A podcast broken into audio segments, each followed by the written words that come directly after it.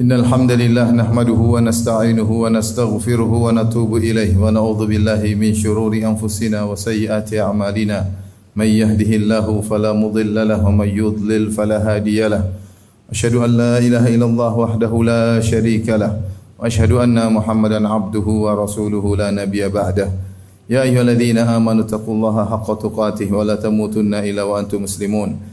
فإن أصدق الحديث كتاب الله وخير الهدى هدى محمد صلى الله عليه وسلم وشر الأمور محدثاتها وكل محدثة بدعة وكل بدعة ضلالة وكل ضلالة في النار.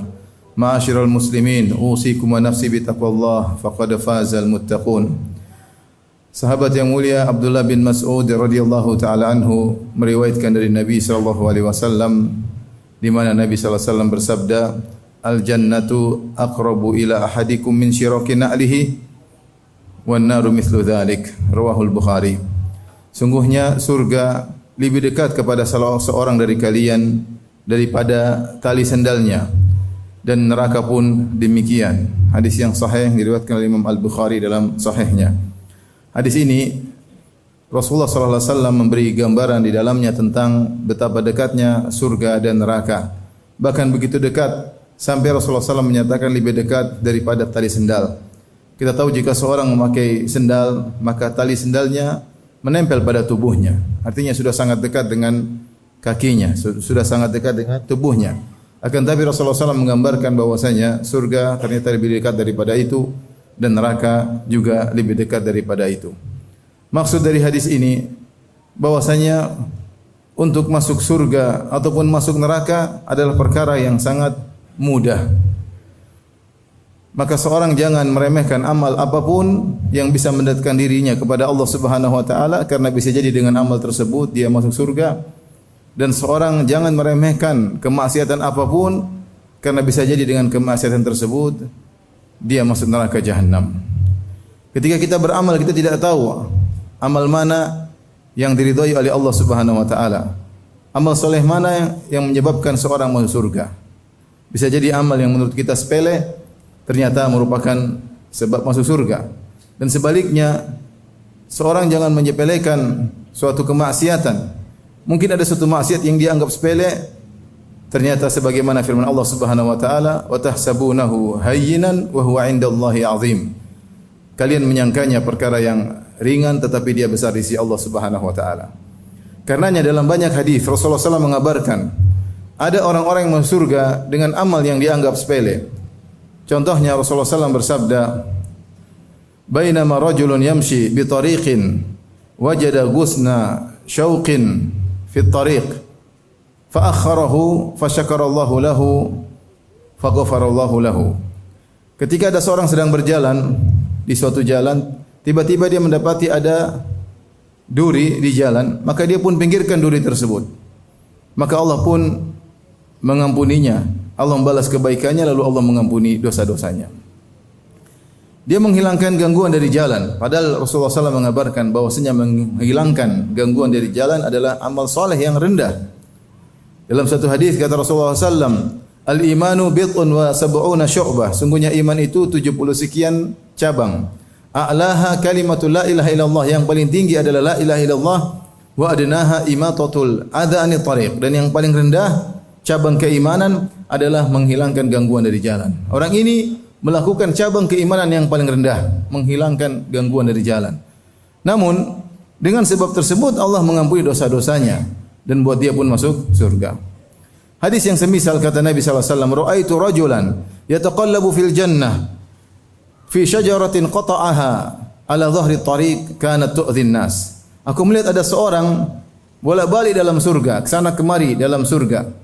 Kenapa? Gara-gara ada sebuah pohon yang di tengah jalan mengganggu orang yang lewat maka dia potong pohon tersebut maka dia pun masuk surga. Amal yang sepele namun menyebabkan dia masuk surga. Demikian juga dalam satu hadis Rasulullah SAW bersabda, "Bainama kalbun fi raqi bi raqiyin kada yaqtuluhul atash idra'athu baghiyun min baghaya bani Israel." Fanazat muqaha fanazalat fi bi'r Kata Nabi SAW ketika ada seekor anjing yang berputar-putar di sekeliling sebuah sumur. kehausan hampir-hampir dia mati. Namun dia tidak bisa mengambil air dari sumur. Tiba-tiba dilihat oleh seorang wanita pezina dari wanita-wanita pezina Bani Israel. Maka dia pun kasihan sama anjing tersebut. Maka dia pun turun ke dalam sumur kemudian dia melepaskan sepatunya kemudian dia isi air di sepatunya kemudian dia gigit sepatunya tersebut kemudian dia naik ke atas sumur fasaqathu lalu dia beri minum kepada anjing tersebut faghfarallahu laha bihi maka Allah ampuni dosa-dosanya karena perbuatannya tersebut Kelihatannya sepele, namun Ibnu Qayyim rahimahullah menjelaskan wanita ini ketika melakukan amal yang dianggap sepele ini, dia benar-benar ikhlas kepada Allah Subhanahu wa taala. Ketika dia melakukan perbuatan amal soleh tersebut tidak ada yang melihatnya. Dan dia tidak butuh terima kasih dan ganjaran dari anjing yang dia tolong. Toh anjing adalah hewan yang hina.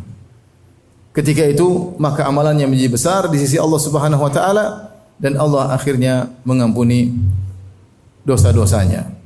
Karenanya para ulama dahulu berkata, "Rubba amalin saghirin tu'azzimuhu niyyah." Betapa banyak perkara yang sepele tetapi menjadi agung di sisi Allah karena niat yang tulus. Karenanya seorang jika ada kesempatan untuk beramal saleh sekecil apapun hendaknya dia lakukan. Bukankah Rasulullah sallallahu alaihi wasallam bersabda, "La tahqiranna minal ma'rufi syai'an walau an talqa akhaka biwajhin tariq." Jangan sekali-sekali engkau meremehkan amal kebajikan apapun. Jangan kau remehkan. Meskipun hanya sekedar tersenyum ketika bertemu dengan saudaramu. Tersenyum kelihatannya sepele. Tapi Nabi mengatakan jangan sepelekan. Kenapa? Karena bisa jadi senyuman yang tulus tersebut. Menyebabkan Allah mengampuni dosa-dosamu. Terserah Allah subhanahu wa ta'ala. Ampunan Allah maha luas. Allah mengampuni seorang gara-gara amalan sepele. Allah ingin masukkan seorang dalam surga gara-gara amalan sepele. Terserah Allah subhanahu wa ta'ala. Dan kita tidak bisa memastikan amal mana yang menyebabkan kita diampuni oleh Allah Subhanahu wa taala. Bisa jadi amal kita banyak, belum tentu ikhlas pada amalan-amalan tersebut. Maka jika ada kesempatan untuk beramal, maka lakukanlah. Rasulullah wasallam juga bersabda, "Ittaqin nara walau bisyikki tamrah."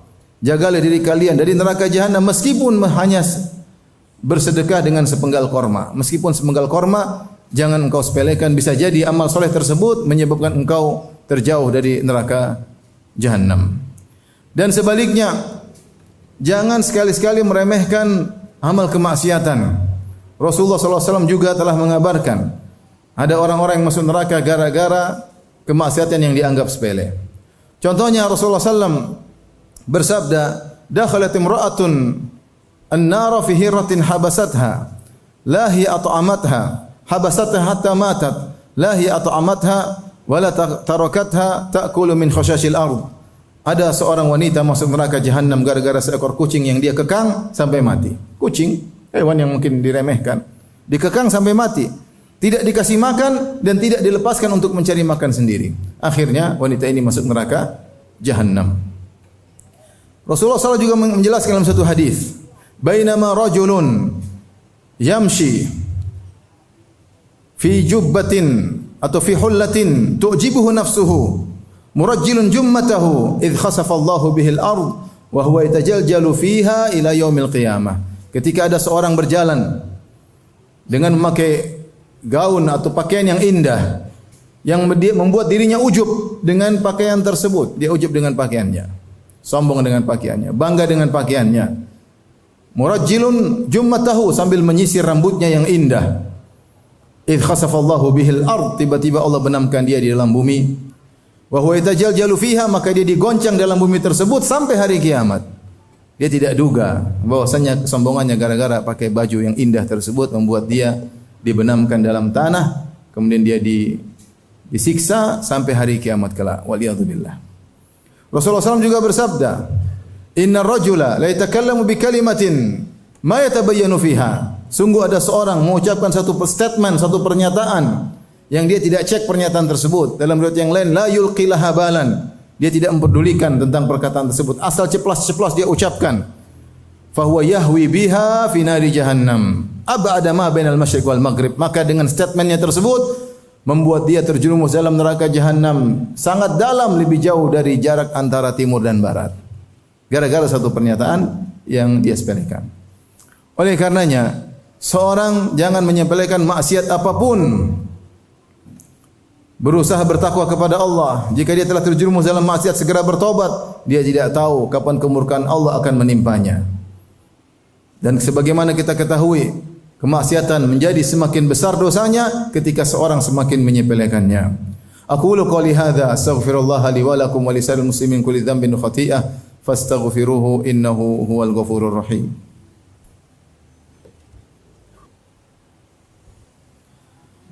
الحمد لله على إحسانه وشكر له على توفيقه وامتنانه وأشهد أن لا إله إلا الله وحده لا شريك له تعظيما لشأنه وأشهد أن محمدا عبده ورسوله الداء إلى رضوانه اللهم صل عليه وعلى آله وأصحابه وإخوانه معاشر المسلمين umur kita semakin berkurang hari demi hari kita kita lewati kita tidak tahu apakah kita semakin dekat dengan Allah atau semakin jauh dari Allah Subhanahu wa taala di antara yang disesalkan oleh sahabat Ibnu Mas'ud radhiyallahu taala anhu beliau berkata ma dadimtu nadamati ala yaumin gharabat fihi syamsuhu naqasat fihi ajali aku tidak pernah menyesali suatu seperti penyesalanku terhadap suatu hari yang telah terbenam matahari pada hari tersebut sementara umurku telah berkurang walam yazdad amali dan amalku tidak bertambah. Maka seorang hendaknya evaluasi diri, menghisap dirinya untuk memperbaiki masa depannya dengan perbanyak amal soleh. Setiap ada kesempatan dia beramal soleh maka lakukanlah. Jangan dia sepelekan amal soleh apapun. Dia tidak tahu mana amal soleh yang diberkahi oleh Allah Subhanahu Wa Taala meskipun mungkin kecil di matanya. Dan jangan sekali-sekali dia meremehkan maksiat. Hati-hati dengan ucapannya, hati-hati dengan pandangannya, hati-hati dengan pendengarannya. Dia tidak tahu mana maksiat yang membuat Allah murka kepadanya. Karena al jannatu aqrabu ila ahadikum min syiraki na'lihi wa naru mithlu dzalik. Karena neraka begitu dekat, lebih dekat kepada seorang daripada tali sendalnya sebagaimana surga lebih dekat kepada seorang daripada tali sendalnya. Hadis ini juga mengajarkan kepada kita untuk beribadah kepada Allah dengan menggabungkan antara al-khauf dan ar-raja, antara takut kepada Allah dan berharap kepada Allah Subhanahu wa taala. Allah mengabarkan bahwasanya seorang mudah sekali masuk surga. Sangat mudah, bahkan lebih dekat daripada tali sendalnya. Sebaliknya Allah juga mengabarkan seorang begitu mudah masuk neraka. Begitu dekatnya neraka lebih dekat daripada tali sendalnya. Maka ketika kita merenungkan makna hadis ini, maka seorang selalu menghadirkan dalam dirinya antara al-khauf dan ar-raja takut dengan neraka Allah takut dengan siksaan Allah dan ar-raja berharap dengan ampunan Allah berharap dengan karunia Allah Subhanahu wa taala pertahankan antara khauf dan raja ini dalam hati seorang sampai seorang akan meninggal dunia Anas bin Malik meriwayatkan dakhala an-nabi sallallahu alaihi wasallam ala syabin wa huwa fil maut Saudara Rasulullah sallallahu menjenguk seseorang pemuda dalam kondisi akan meninggal dunia. Maka Rasulullah SAW bertanya kepadanya, Kaifa tajiduka, bagaimana kau mendapati dirimu? Maka dia berkata, Arjullah wa akhafu dhunubi. Ya Rasulullah, aku dapat di dalam diriku berharap ampunan Allah Subhanahu wa taala dan aku takut dengan dosa-dosaku. Ketika dia akan meninggal dunia, tergabung pada dirinya berharap dan takut kepada Allah Subhanahu wa taala. Maka Nabi SAW bersabda, Majtama'a fi qalbi mri'in atau fi qalbi, fi qalbi abdin fi mithli hadzal mautin illa a'tahu ma yarjuh wa ammanahu mimma yakhafu. Tidaklah terkumpulkan dalam diri seorang hamba dalam kondisi seperti ini akan meninggal dunia. Khauf dan raja bergabung dalam dirinya kecuali Allah akan mengabulkan apa yang dia harapkan dan Allah akan membuat dia aman dari apa yang dia takutkan. Semoga Allah Subhanahu wa taala menganugerahkan kepada kita semua husnul khatimah.